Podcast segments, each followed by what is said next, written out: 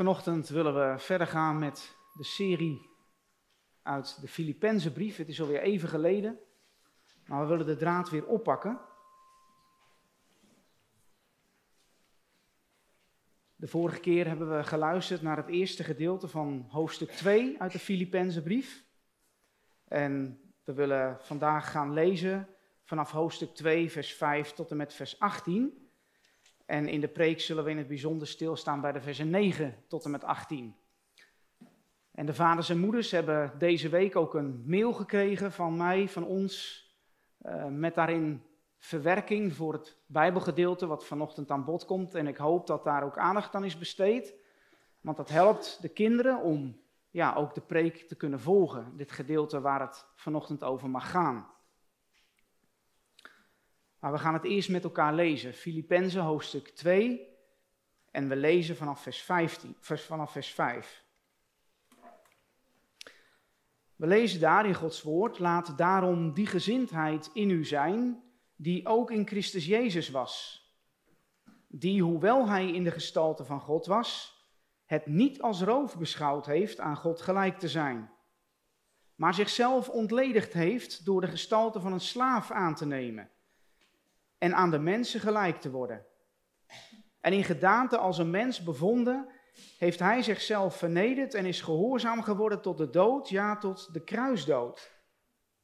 Daarom heeft God hem ook bovenmate verhoogd en heeft hem een naam geschonken boven alle naam. Opdat, met het doel, dat in de naam van Jezus zich zou buigen elke knie van hen die in de hemel en die op de aarde en die onder de aarde zijn en elke tong zou beleiden dat Jezus Christus de Heer is, tot heerlijkheid van God de Vader. Daarom, mijn geliefde, zoals u altijd gehoorzaam geweest bent, niet alleen zoals in mijn aanwezigheid, maar nu veel meer in mijn afwezigheid, werk aan uw eigen zaligheid met vrees en beven. Want het is God die in u werkt, zowel het willen als het werken naar zijn welbehagen. Doe alle dingen zonder morren en meningsverschillen, opdat u onberispelijk en oprecht zult zijn, kinderen van God, smetteloos te midden van een verkeerd en een ontaard geslacht, waaronder u schijnt als lichten in de wereld, door vast te houden aan het woord van het leven. Mij tot roem met het oog op de dag van Christus, dat ik niet te vergeefs heb hard gelopen en mij ook niet te vergeefs heb ingespannen. Maar al word ik ook als een plengoffer uitgegoten over het offer en de bediening van uw geloof, ik verblijd mij en ik verblijd mij met u allen. En u verblijdt zich ook daarover. Verblijd u dan met mij. Amen. Tot zover het woord van onze God. In de versen 5 tot en met 6 van dit gedeelte, wat we zojuist met elkaar hebben gelezen, zien we eigenlijk het eerste deel van dat prachtige lied, die lofzang. Het gaat over ja, de goddelijke en heerlijke plaats waar onze koning was voordat hij zichzelf vernederde. En dan in de versen 7 en 8 van het gedeelte gaat het over die diepte van zijn vernedering, van zijn menswording en zijn vernedering tot de kruisdood. Het is alsof er een, een trap naar beneden wordt genomen. Je daalt steeds dieper af. En, en dieper kan niet. En we noemen dat ook wel de trappen van Christus zijn vernedering. En jongens en meisjes, wie van jullie is er wel eens in de bergen op vakantie geweest? Zijn er vanochtend kinderen die zeggen, ja, ik zie daar al een vinger. En nog meer. Nou, als je in de bergen wandelt, dan moet je wel eens van de ene bergtop naar die andere bergtop. Maar voordat je daar komt, moet je eerst naar beneden, dat dal in, helemaal diep het dal in, voordat je kan beginnen aan die andere bergtop. En dan ga je weer omhoog, dan moet je klimmen. Nou, zo kunnen we ook een beetje dit, deze versen zien hier. We zouden kunnen zeggen, vers 9 is het begin van, van die weg naar boven. In dit deel van het lied wordt onze aandacht naar boven geleid, naar het doel. En resultaat van, van de vernedering van de Heer Jezus Christus, namelijk zijn verhoging bij God, zijn Vader. Boven de schepping verheven, om aanbeden te worden door elk schepsel. Dat is het doel. En dat noemen we de trappen van Christus zijn verhoging. Jezus Christus, Hij is ons grote voorbeeld vanochtend als het gaat om, om echte nederigheid. Hij vernederde zichzelf zelfs tot in de dood. Ja, de kruisdood hebben we gelezen. Het Bijbelgedeelte van vandaag, die versen 9 tot en met 18, waar we bij stil zullen staan, die laten ons die heerlijkheid en die verhevenheid van Christus zien. En de aansporing die we krijgen, de aanmoediging die zijn volgelingen krijgen. Wat betekent dat nou voor een volgeling van Jezus? Wat betekent het voor ons dagelijks leven? Dat Christus zo laag is afgedaald en zo hoog is verheven.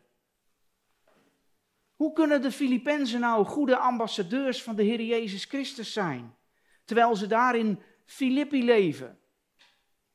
Hoe kunnen wij vandaag goede ambassadeurs zijn van Christus, terwijl we hier op deze aarde leven, hier in Nederland? Dat is de vraag. En ik hoop dat het door dit gedeelte vanochtend duidelijker mag worden. Ik heb boven de preek geschreven: Christus verhevenheid en onze gehoorzaamheid. En in de eerste plaats letten we dan op Christus en zijn positie. En we zien dat in de versen 9 tot en met 11. In de tweede plaats letten we op het gevolg van die positie. In de versen 12 tot en met 16. En tenslotte, in de derde plaats lezen we over de blijdschap om die positie. Versen 17 en 18. Christus verhevenheid en onze gehoorzaamheid. In de eerste plaats Christus en zijn positie. Ten tweede het gevolg van die positie. En ten derde de blijdschap om die positie. Christus en zijn positie in de versen 9 tot en met 11. Daar komen we bij dat laatste gedeelte van, van dit lied. Dat lied dat begon in vers 5. Dit lied, deze prachtige lofzang. Het gaat over de koning der koningen en de heren der heren. Daar kan geen vraag over zijn. Dat kan niet onbekend zijn. Hij die kwam uit de goddelijke hoogte in de diepte van zijn vernedering. In onze diepte, mogen we zeggen. Door mens te worden in zijn lijden, in zijn sterven aan het kruis. En nu staan we vanochtend een ogenblik stil bij, bij de verhoging van onze koning. Het laatste gedeelte van dit lied. Het is de verhoging door God, de Vader zelf. De Vader, hij verhoogde zijn zoon. Hij werd verhoogd. Waarom? Nou, vanwege zijn gehoorzaamheid aan de Vader. Hij werd verhoogd omdat hij de toren van God, de Vader, over de zonde op zich had genomen. En omdat hij aan die toren had voldaan. Hij had betaald. Die toren was gestild. Hoe dan? Nou, door zijn dood, door zijn lijden en sterven. En de Vader, die verhoogde hem, zijn zoon. Hij verhoogde hem niet alleen, maar hij verhoogde hem, staat er, bovenmate. Kijk maar naar vers 9. Deze verhoging is het tegenovergestelde van zijn vernedering. Eigenlijk is het meer dan dat. Omdat de zoon, omdat de vader de zoon eerde. En dit eerbetoon kon de zoon alleen ontvangen na zijn verlossende offer aan het kruis van Golgotha. Ja, de Vader heeft Christus een naam gegeven die boven elke naam is verheven. Nou moeten we bij die naam niet in de eerste plaats denken aan zijn persoonlijke naam, aan Jezus. Nee, waar het hier in dit tekstgedeelte om gaat, gaat het veel meer om de titel Heer of Here. We weten dat hij de naam Jezus kreeg bij zijn geboorte. Dat was een vooruitzicht op zijn taak, op het werk dat hij ging doen, namelijk om ons zalig te maken van onze zonden. Maar luister maar eens naar wat Handelingen 2, vers 36 zegt. Daar staat het zo. Laat dan heel het huis van Israël zeker weten dat God hem tot een Heere en Christus gemaakt heeft. Namelijk deze Jezus, Jezus die u gekruisigd hebt. Deze naam, Heere, is hem gegeven om zijn positie, zijn in de identiteit te benadrukken. Zijn plaats die hij heeft ingenomen boven alle andere schepselen. En deze naam, Heere, wordt bekendgemaakt aan het einde van vers 11. Kijk maar mee, want daar staat, en elke tong zou beleiden dat Jezus Christus de Heere is, tot heerlijkheid van God de Vader. Calvijn, hij zegt het zo, Christus, Christus is opperste macht gegeven en hij is geplaatst in de hoogste positie van eer, zodat er geen waardigheid wordt gevonden, nog in de hemel, nog op de aarde, die hieraan gelijk is. Hij heeft de hoogste plaats. Ja, toen de Vader Christus verheerlijkte, hem opwekte uit de dood, hem verhoogde, hem een naam gaf boven elke naam, hem de ereplaats gaf aan zijn rechterhand, toen veranderde er wat in onze hele geschiedenis. Het ging van verval en dood, want dat was het, naar, naar verlossing en naar redding en naar eeuwig leven. Die naam is hem gegeven. En, en dat laat hij zien in vers 10. Het maakt duidelijk op dat met het doel dat in de naam van Jezus zich zou, iedere knie zich zou buigen van hen die in de hemel en die op de aarde en die onder de aarde zijn. Paulus, hij wist zelf precies wat het is om te buigen voor zijn Heer. Luister maar eens naar opnieuw Handelingen 9, vers 4. En toen hij, dat was Paulus, op de grond gevallen was, hoorde hij een stem die tegen hem zei: Sal, Sal, waarom vervolgt u mij? En hij zei: Wie bent u, Heere? Vraag: Heb jij, heeft u al voor deze Heere gebogen? Want hij is het waard. Hij is het waard, hij is verheven en hij leeft. Paulus, hij hij kijkt vooruit hier in de versen 10 en 11 van ons gedeelte. Hij kijkt vooruit naar een schepping die hem beleiden zal. Elke knie. En weet je wat wij wekelijks doen als gemeente? Is een voorproefje van dat. Wij komen namelijk samen in de naam van de Heer Jezus Christus. Wij mogen samen beleiden dat Jezus Christus Heere is. En dat is precies de reden dat we op de eerste dag van de week samenkomen. De dag van zijn opstanding. De dag van de Here. Hij is verrezen en verheven. Hij is opgestaan. Hij zit aan de rechterhand van zijn vader. Hij heeft zijn heerlijke positie ingenomen. En door samen te komen op deze eerste dag van de week, verkondigen we dat Jezus Christus Here is. Dat beleiden we. Zijn we ons daarvan bewust? Nog even iets over dat buigen van die knieën. Daarover lezen we in vers 10. Dat buigen van die knieën, dat, dat zegt ons iets over wie wij zijn en wie God is. Als we samenkomen als gemeente, dat we te maken hebben met een, met een ontzagwekkende, heilige God. Hoe bereiden we ons voor op de eredienst en hoe nemen we deel aan de eredienst? Die vragen die mogen en moeten we onszelf eerlijk stellen. Want onze God is heilig. Laten we ervoor waken dat we er geen rekening mee zouden houden met die heiligheid van God. Eerbied en ontzag zijn op zijn plaats. Buigen wij en beleiden wij met onze mond en met ons hart? Kijk, daar gaat vers 11 over. Elke tong zou beleiden. En overigens is dit niet alleen iets van het Nieuwe Testament hoor. Ook in het Oude Testament vinden we soortgelijke woorden. Luister maar eens naar Jesaja 45, vers 22. Wend u tot mij. Word behouden.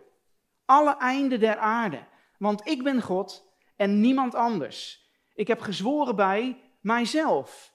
Uit mijn mond is in gerechtigheid een woord uitgegaan en het zal niet terugkeren. Dat voor mij elke knie zich zal buigen, elke tong bij mij zal zweren.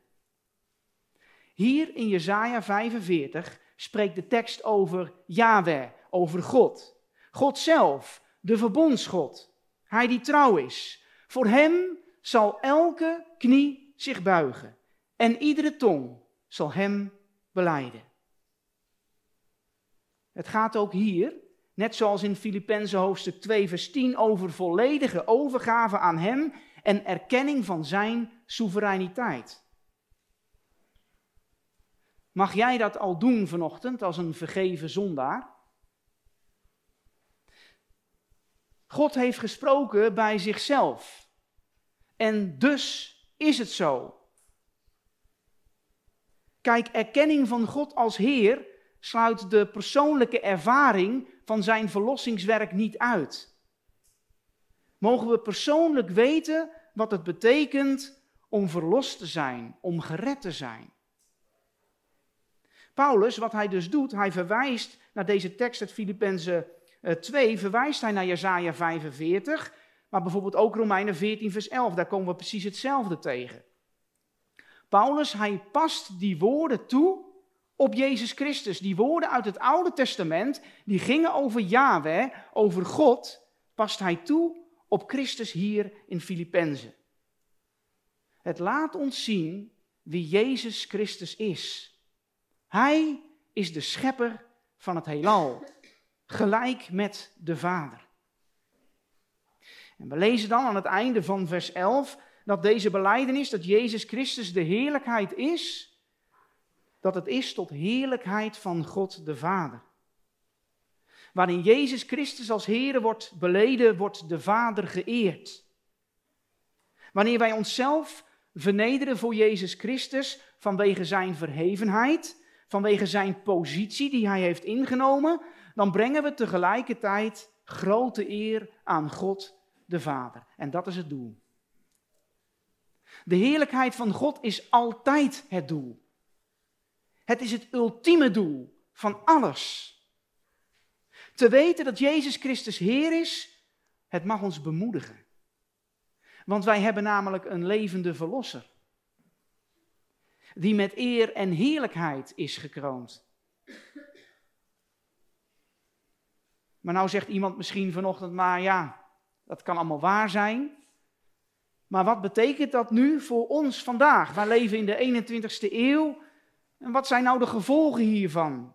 Wat wil het ons nou leren? Wat wil het ons zeggen? Nou, zojuist werden we bepaald bij die bergtopervaring. Over die verhoogde Christus. En nu schakelen we over naar het praktische dagelijkse leven van de gelovigen. Daar heeft Paulus oog voor hoor. Paulus hij geeft ons heel veel onderwijs in de volgende versen die komen. Het gaat als het ware van orthodoxie, van de leer, naar de orthopraxie, naar de praktijk van het dagelijks leven. En we hebben eerder gehoord, en ik heb het al eerder gezegd, Paulus is een praktische theoloog. We schakelen over van de positie van Christus naar het gevolg van die positie. Wat betekent dat nou voor ons? Wat betekent dit alles wat Christus gedaan heeft voor ons dagelijks leven. En dan staan we in de tweede plaats stil bij het gevolg van die positie. Het gevolg van die positie. Versen 12 tot 16. Paulus gaat verder in zijn brief aan de Filippenzen met het woordje daarom. Kijk maar, eerste woord, vers 12. Het perfecte model van, van nederigheid, van onderwerping, van gehoorzaamheid was beschreven in de versen 5 tot en met 8. Jezus Christus is ons grote voorbeeld. En er zijn grote geschenken in de voorraadschuur van Christus voor hen die zijn voorbeeld volgen. Gehoorzaamheid nu, omdat Christus ons grote voorbeeld is. Hij was gehoorzaam aan de Vader. Hij is de verhevene. Hij is de verheerlijkte. En hij zal hen ondersteunen en kracht schenken die hem vertrouwen en hem beleiden als Heer. Kijk, dan ligt de focus niet langer op onszelf, maar op Christus Jezus en op wat Hij gedaan heeft. Paulus, hij wijst ons en de gelovigen in Filippi op die grote verantwoordelijkheid die we hebben. Dat is niet alleen van belang voor de Filippenzen, maar ook voor ons vandaag de dag. Paulus, hij spreekt in aan met mijn geliefde. Vanwege die eenheid, die verbondenheid in, in Christus Jezus. Ja, het zijn woorden van, van bemoediging en, en troost. Zoals u altijd gehoorzaam geweest bent, niet alleen zoals in mijn aanwezigheid, maar hij zegt veel meer nu in mijn afwezigheid. Gehoorzaamheid, dat is een, een belangrijk element in de heiligmaking van de gelovigen, want daar gaat het hier om in deze verse. In het steeds meer gevormd worden naar het beeld van de Heer Jezus Christus. Iedere gelovige is gerechtvaardigd door het geloof in de Heer Jezus Christus alleen. De basis van die rechtvaardigheid, van dat rechtvaardig verklaard worden, het vergeven zijn, dat is niet gebaseerd op ons geloof, maar het is gebaseerd op de verdiensten van de Heer Jezus Christus. Hij in onze plaats. Dat is heel belangrijk om te begrijpen. Want anders zou het nog steeds gebaseerd zijn op ons geloof, op werken, op iets wat wij moeten doen. Namelijk ons geloven. Maar dat is niet de basis. Christus verzoenend lijden en sterven, dat is de basis. En hier in deze verse, in de versen 12 tot en met 18, daar spreekt Paulus over heiligmaking. Heiligmaking is een, een doorgaand werk, een, een proces, een groeiend werk in onze levens als het goed is. We zijn nooit klaar. En we zullen nooit perfect zijn, zolang we nog niet zijn verheerlijkt met Christus. In de heiligmaking zullen wij in geloof de aansporing, de opdracht van de Heer Jezus, die de Heer Jezus ons gegeven heeft, oppakken. We geven er gehoor aan. We volgen Hem. We willen Hem gehoorzaam zijn. En ja, dat gaat met vallen en opstaan. Dat klopt. Maar de Heilige Geest staat de gelovigen hierin te hulp. Want Hij is gegeven. Toen we gerechtvaardigd waren, toen we tot wedergeboorte zijn gekomen, is de Heilige Geest komen wonen in het hart van de gelovigen. En Paulus, hij, hij moedigt die gelovigen hier in Filippi ook aan. Door te zeggen, zoals u altijd gehoorzaam geweest bent, niet alleen in mijn aanwezigheid, maar nu veel meer in mijn afwezigheid. Gehoorzaamheid. Waarom? Omdat Jezus Christus ons grote voorbeeld is. Gehoorzaam is hij geworden tot de dood, lazen we, ja, tot de kruisdood. Het was Jezus zijn kostbare gehoorzaamheid voor ons. Kijk, en daarom past ons gehoorzaamheid aan de Heer. Ja, de Filippenzen dienen gehoorzaam te zijn. Veel meer nu Paulus er niet bij is. Kijk, het was misschien wat makkelijker als hun geestelijk vader daar bij hen was. Maar nu is hij er niet, want hij is gevangen. Nu is hij afwezig. Nu is hij in de gevangenis. Nu hebben ze aansporing nodig om vol te houden. Is het zo soms ook niet met ons kinderen? Als papa en mama niet in de buurt zijn en je weet dat iets niet mag. Maar ja, papa en mama zijn er nu niet bij. Oeh ja, dat is misschien nog wel iets moeilijker om gehoorzaam te zijn. Want als ze er wel bij zijn, ja, dan is het wat makkelijker. Nou, zo ook hier. Paulus was er niet, maar hij spoort de Filippenzen aan om vol te houden, om gehoorzaam te zijn. Kijk, en het gaat hier nou niet, dat weten we, om de gehoorzaamheid aan Paulus. Ik hoop dat dat duidelijk is. Nee, het gaat om de gehoorzaamheid aan Christus Jezus. Als gevolg waarvan nou? Van zijn positie. Van de plek die hij heeft ingenomen. Die verheven plaats. De Filippenzen moesten dat weten. Ze waren daarvoor verantwoordelijk. En dat is nou hetzelfde voor ons vandaag de dag. Als gemeente, als gelovigen, vraagt de Heer ook van ons gehoorzaamheid. Ook als er geen broeders en zusters in de buurt zijn of oudsten. of een man of een vrouw. Als gelovigen moeten we in de eerste plaats nooit afhankelijk zijn van anderen voor ons geestelijk, geestelijke kracht en groei. Maar allereerst moeten we gehoorzaam zijn aan de Here en afhankelijk zijn van Hem. En dan gaat Paulus wat zeggen met betrekking tot die gehoorzaamheid. Een opmerkelijk vers, vers 13. Hij zegt daar, werk aan uw eigen zaligheid met vrees en beven. Einde vers 12. Want het is God die in u werkt, zowel het willen als het werken naar zijn welbehagen. Oh, wacht even, zegt iemand hier misschien vanochtend. Wat zegt Paulus nu? Bedoelt hij nu te zeggen dat we moeten werken aan onze zaligheid? Kijk, vanuit heel de schrift, heel de Bijbel is duidelijk dat dat niet kan. Paulus onderwijst namelijk heel duidelijk dat gelovigen zijn gered uit genade door het geloof alleen. Bijvoorbeeld Efeze 2, vers 8. Want uit genade zijt gij zalig geworden, door het geloof, niet uit u. Het is een gave van God, niet uit werken, opdat niemand zou roemen. Kijk, hieruit blijkt hoe belangrijk het is dat we de Bijbel in zijn geheel toepassen. En niet zomaar ergens een tekst vandaan plukken en dan zeggen, ja kijk, zo is het. Kijk, in de Bijbel wordt zaligheid, ofwel verlossing of vergeving, op drie verschillende manieren beschreven. We zouden het zo kunnen zeggen, in het verleden, verlossing in het verleden, verlossing in het heden en verlossing in de toekomst. In het verleden is onze rechtvaardigmaking. We zijn gerechtvaardigd door de verdiensten van Christus. Verlossing. In het heden is het onze heiligmaking. En in de toekomst is het onze verheerlijking. Dus allemaal verlossing. In onze rechtvaardigmaking zijn we verlost van de straf op de zonde. In onze heiligmaking, vandaag de dag, worden we bij voortduur verlost van de macht en de praktijk van de zonde in ons leven. En in onze verheerlijking zullen we uiteindelijk totaal zijn verlost van alle aanwezigheid van zonde. En nu zegt Paulus, de gelovigen in Filippi moeten hun zaligheid uitwerken los van de aanwezigheid van Paulus. Ze moeten het gaan toepassen in hun dagelijks leven, wat hun verantwoordelijkheid is in de praktijk brengen wat ze geleerd hebben. Kijk, het heeft alles te maken met hun heiligmaking. Ze mogen het uitwerken als gevolg van de positie van hun meester, Jezus Christus, hun Heer.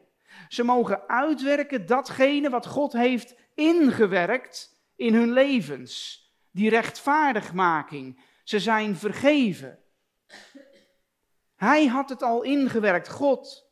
En ze mogen nu vruchten gaan dragen. Laten blijken in de praktijk van alle dag van wie ze er één zijn. Want het is toch zo dat je aan de vruchten de boom herkent. En die geestelijke inspanning, die, die, die vrucht van het rechtvaardig verklaard zijn. Dat is belangrijk. Kijk, en dat is de basis. En daarom die belofte in vers 13, want die komt erachteraan, hè? Direct erachteraan. Want het is God die in u werkt, zowel het willen als het werken naar zijn welbehagen. We kunnen dus niet zomaar achteroverleunen en consumeren. Nee, er wordt van ons als gelovigen, als we de Heer Jezus Christus kennen, inspanning gevraagd. Het komt aan op de praktijk van alle dag. Ook wij mogen het woord van God lezen. We mogen erin studeren, bidden, we mogen erover mediteren, het woord gehoorzamen. Kijk, alleen dan zullen we groeien in heiligmaking. Het is belangrijk dat we dagelijks zijn aangesloten op die bron van levend water. Dagelijks. Niet in het verleden alleen, want dat water, dat wordt brak toch uit het verleden, stilstaand water. Maar dagelijks moeten we vernieuwd worden. Dagelijks moeten we aangesloten zijn op die bron van het levende water. Iemand zei het zo: We zijn heilig passief en we zijn heilig actief. Heiligmaking is niet zoiets van let go en let God. Niet passief dus. Nee, we moeten ons inspannen. Er wordt wat van ons gevraagd. En we hebben een heel groot voorbeeld gekregen. God werkt en wij mogen handelen. En ik wil dat laten zien aan de hand van een voorbeeld. Bijvoorbeeld 2 Petrus, hoofdstuk 1, vers 3 tot en met 7. Ik zal het voorlezen. 2 Petrus, hoofdstuk 1, de versen 3 tot en met 7. Wat zegt Petrus daar? Immers, zijn goddelijke kracht heeft ons alles geschonken wat tot het leven in de godsvrucht behoort, door de kennis van Hem die ons geroepen heeft, door Zijn heerlijkheid en Zijn deugd.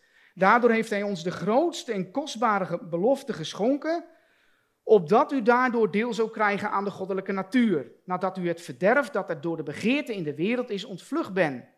En dan komt het, en daarom moet u er zich met alle inzet op toeleggen om aan uw geloof deugd toe te voegen en aan de deugd kennis, aan de kennis zelfbeheersing, aan de zelfbeheersing volharding, aan de volharding godsvrucht, aan de godsvrucht broederliefde en aan de broederliefde liefde voor iedereen. Ik zal nog één tekst noemen. 1 Korinthe, hoofdstuk 15, vers 10. 1 Korinthe, hoofdstuk 15, vers 10. Maar door de genade van God ben ik wat ik ben. En zijn genade voor mij is niet te vergeefs geweest. Integendeel, ik heb mij meer ingespannen dan zij allen. Niet ik echter, maar de genade van God die met mij is. Colossense 1, vers 29, 1 Petrus 4, vers 11, het zijn allemaal teksten die daarover gaan. Spreken over inspanning, over activiteit. Het is de genade en het is de liefde van God die de Filippenzen en ook ons doorheen helpt. Hoe dan? Nou, door middel van Gods ondersteunende aanwezigheid. Want weet je, als het van onszelf af zou hangen, wat zou er dan van terechtkomen? Helemaal niets. We komen dit soort voorbeelden ook tegen in het Oude Testament. Ik zal er één noemen. Denk aan Genesis 28, vers 15. Het is de geschiedenis van Jacob die, die onderweg was naar Haran. Onderweg had Jacob een droom. En in die droom zei God tegen hem: En zie, Jacob, ik ben met u. Ik zal u beschermen. Overal waar u heen zult gaan. En toen Jacob uit zijn slaap ontwaakte, zei hij: De Heere is werkelijk op deze plaats. De Heere is erbij. Voor de Filippenzen, voor Jacob en voor ons als we Hem toebehoren. De Heer is erbij. En dan lezen we die woorden van vrees en beven. Die worden genoemd. Die, die, die vrees en beven in een brief die continu juist spreekt over de vreugde in het christelijk leven. Die vreugde die voortkomt uit het vrezen van God met ja, eerbied en ontzag. Vrezen en beven als gevolg van zijn positie. Het gaat hier dus niet om, om angst. Maar het gaat veel meer over de positie die Christus heeft ingenomen. En daarom is er vrezen en beven, is er ontzag, is er eerbied. Hij heeft ons zijn Heilige Geest geschonken, die in ons werkt. En de Heilige Geest, dat beleiden we toch, die woont in degene die zijn gerechtvaardigd. En de Heilige Geest staat ons bij in ons persoonlijke heiligmaking, iedere dag. Dat is wat Paulus zegt in Romeinen 8, vers 12. Wel nu, broeders, wij zijn aan het vlees niet verplicht om naar het vlees te leven, want als u naar het vlees leeft, zult u sterven. Als u echter door de geest geleid wordt, als u door de geest de daden van het lichaam doodt, zult u leven.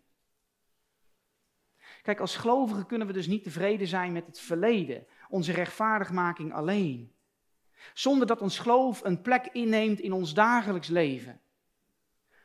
Als je de koning der koningen toebehoort, dan zal dat blijken. Dan willen we niet langer in zonde leven, maar dan, dan willen we groeien en willen we steeds meer op de Heer Jezus gaan lijken. Dan zal die vrucht van de geest ook zichtbaar worden in ons leven. Weet je nog, liefde, blijdschap, vrede, geduld, zachtmoedigheid, zelfbeheersing. En misschien zeg je wel, ja, maar ik kan dat niet van mezelf.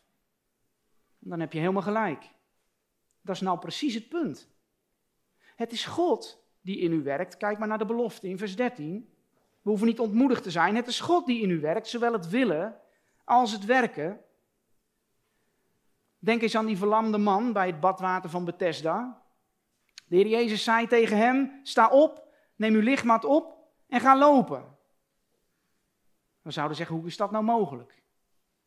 Maar deze man was in staat om het te doen. Hij kon het in de kracht van de Heer.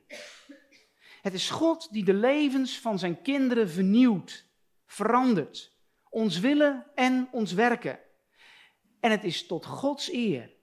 Precies wat we al eerder zagen in vers 11. Kijk maar aan het einde van vers 11. Tot heerlijkheid van God de Vader. Paulus, hij gaat verder met een nieuwe opdracht. Een opdracht voor de praktijk van alle dag. Vers 14. Doe alle dingen zonder morren en meningsverschillen. Hoe is onze houding? Gehoorzaamheid kan op twee manieren. Door te mopperen of vrijwillig.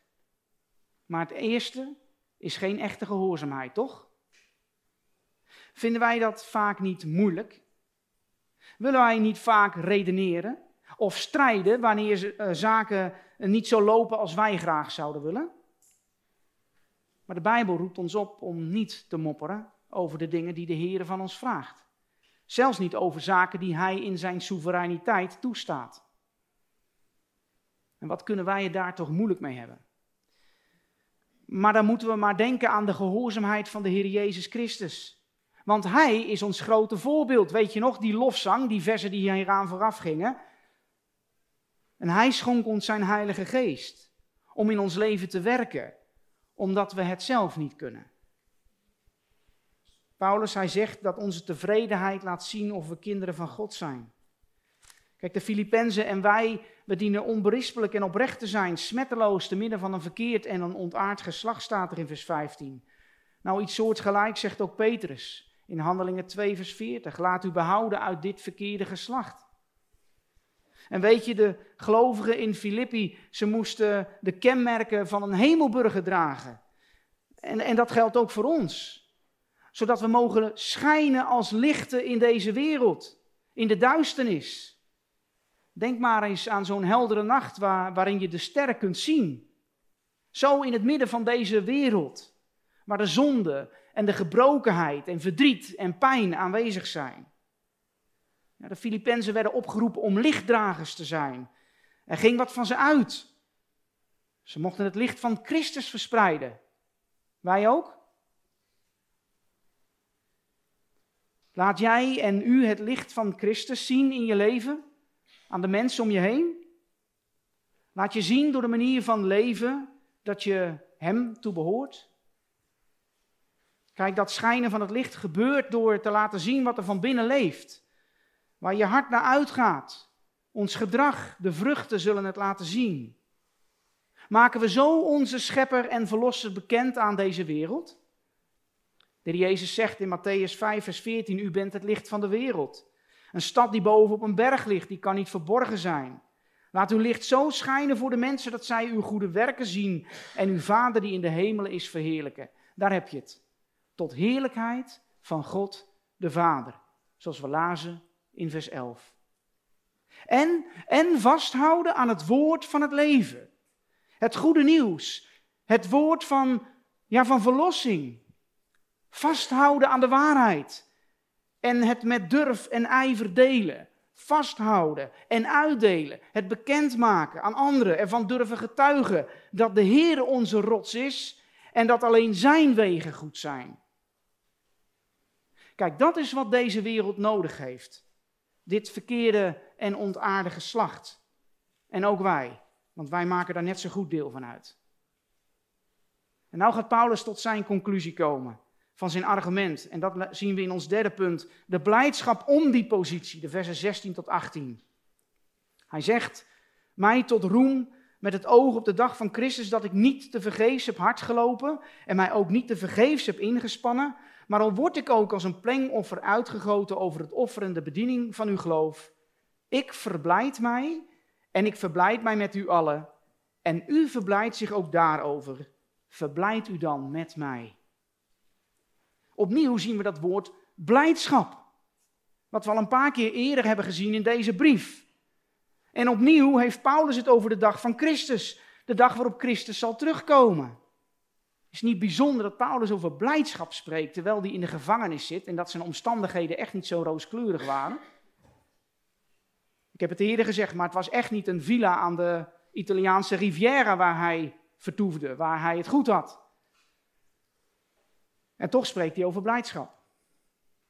Paulus zegt, als jullie gelovigen in Filippi gehoorzaam zijn, als jullie alle dingen doen zonder morren en tegen meningsverschillen, je vasthoudt aan het woord van de waarheid, ja, dan zal ik vol blijdschap zijn. Ik zal me verblijden. Paulus kan ze dan als het ware presenteren als een gift aan Christus. Dan heeft Paulus namelijk niet te vergeefs zich ingespannen. Hij heeft niet te vergeefs hard gelopen. Paulus heeft zijn leven, hij zegt, als een offer uitgegoten in de levens van de Filippenzen. En het was niet zonder resultaat. Dat was het doel van Paulus zijn leven. Hij had zorg voor de gemeente en hij zorgde voor de gemeente. Meer dan hij zorgde voor zichzelf, zouden we kunnen zeggen.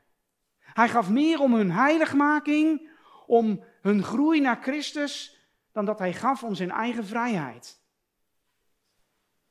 Paulus, hij spreekt over de mogelijkheid van het worden uitgegoten als plengoffer over het offer en de bediening van uw geloof. Wat Paulus hier doet, hij gebruikt taal vanuit het Oude Testament. In het Oude Testament zien we dat een plengoffer of een drinkoffer wordt uitgegoten op een dierlijk offer, voordat het in de brand gestoken werd. Het was als het ware een zoete aroma voor de Here. En dat is het voorbeeld dat Paulus hier gebruikt met betrekking tot zijn eigen leven, zijn inspanningen voor de gemeente in Filippi. Zijn leven was als een plengoffer, als een drinkoffer. Hij goot zijn leven uit als het ware voor God, om, om Hem te dienen. En het bleef niet zonder vrucht. Iets soortgelijks vinden we ook in Romeinen hoofdstuk 12, vers 1. Ik roep u er dan toe op, broeders, door de ontfermingen van God, om uw lichamen aan God te wijden, als een levend offer, heilig en voor God welbehagelijk. Dat is uw redelijke godsdienst. Dat plengoffer waar Paulus over spreekt, over het offer van de gelovigen in Filippi, het is als een afspiegeling van het offer van Christus, die alles gaf, alles, om ons in het huisgezin van God te plaatsen, als vergeven en als geliefde kinderen. Daar wijst dat offer van Paulus heen. Het drinkoffer of plengoffer is als een kroon op het offer van de Filippenzen. En het offer van de Filippenzen, ja, dat is hun geloof. Te midden van moeite en strijd en van vervolging en verdrukking. Kijk, en daar is Paulus nou blij om. Paulus, hij was door God gebruikt om de Filippenzen tot hun doel te brengen. Tot de volledige overgave aan Christus. En dat maakt hem blij. Ik verblijd mij, zegt hij. En ik verblijd mij met u allen. Hij ziet zichzelf als een, als een slaaf van Christus. Een man die Christus wil dienen. Zelfs tot het punt van lijden en sterven. Want dat hebben we eerder gelezen in het eerste gedeelte van deze brief. Hoofdstuk 1, vers 24. En dan zegt hij uiteindelijk, maar in het vlees te blijven is noodzakelijker voor u. Hij wilde blijven voor de Filippenzen, om hen te helpen, om hen te bemoedigen. Hij was meer bezorgd, zoals ik al zei, over het welzijn van de gemeente dan over zijn eigen situatie. Hij had een verlangen, ja, om met Christus te zijn, maar aan de andere kant wist hij dat het in leven blijven vrucht zou betekenen in het leven van de Filippenzen. En dan roept hij de Filippenzen op om blij te zijn en zich met hem te verheugen. Omdat het gaat om, om hun geloof, hun verlossing, om de verheven Christus, om de positie die, die Christus heeft. Ze hadden gediend voor de zaak van Christus. En samen hebben ze hun leven opgeofferd en waren nu in staat om samen zich te verblijden. Te verblijden in de verlossing door het offer van Jezus Christus. Kunnen wij dat vanochtend nazeggen over ons leven? Dat ons leven, maar ook het lijden in ons leven om Christus wil, is als een plengoffer. Is als een zoet aroma voor de Here. Omdat het vruchten uitwerkt in levens van anderen. Paulus is blij vanwege de trouwe gelovigen in Filippi. En wij, wij als gelovigen worden opgeroepen en bemoedigd door deze woorden van Paulus om, om ja, gehoorzaam te zijn. Want we hebben toch dat grote voorbeeld, de Heer Jezus Christus, die gehoorzaam was tot de dood, ja tot de kruisdood. Onze zaligheid uit te werken, niet vanuit onszelf, nee, er staat een belofte, vers 13, want het is God die in u werkt. Hoe dan? Nou, door zijn geest. Om niet te mopperen, geen meningsverschillen, om een lichtdrager te zijn in het midden van een verkeerd en een ontaard geslacht. Om vast te houden aan het woord van het leven, zodat we alle verblijd mogen zijn, omdat doel de Vader zal worden verheerlijkt. Door dit alles. Is uw en is jouw leven overgegeven aan Christus? Want alleen dan kun je je verheugen in de zegeningen van de verlossing. Je kunt dan echt verblijd zijn, omdat je rechtvaardigd bent gemaakt door God. Je kunt dan verblijd zijn in je toekomstige, of verblijd zijn omdat je groeit in heiligheid. En je kunt dan verblijd zijn in je toekomstige verheerlijking, wanneer je volmaakt zult zijn, zonder zonde, tot heerlijkheid van God de Vader. Amen.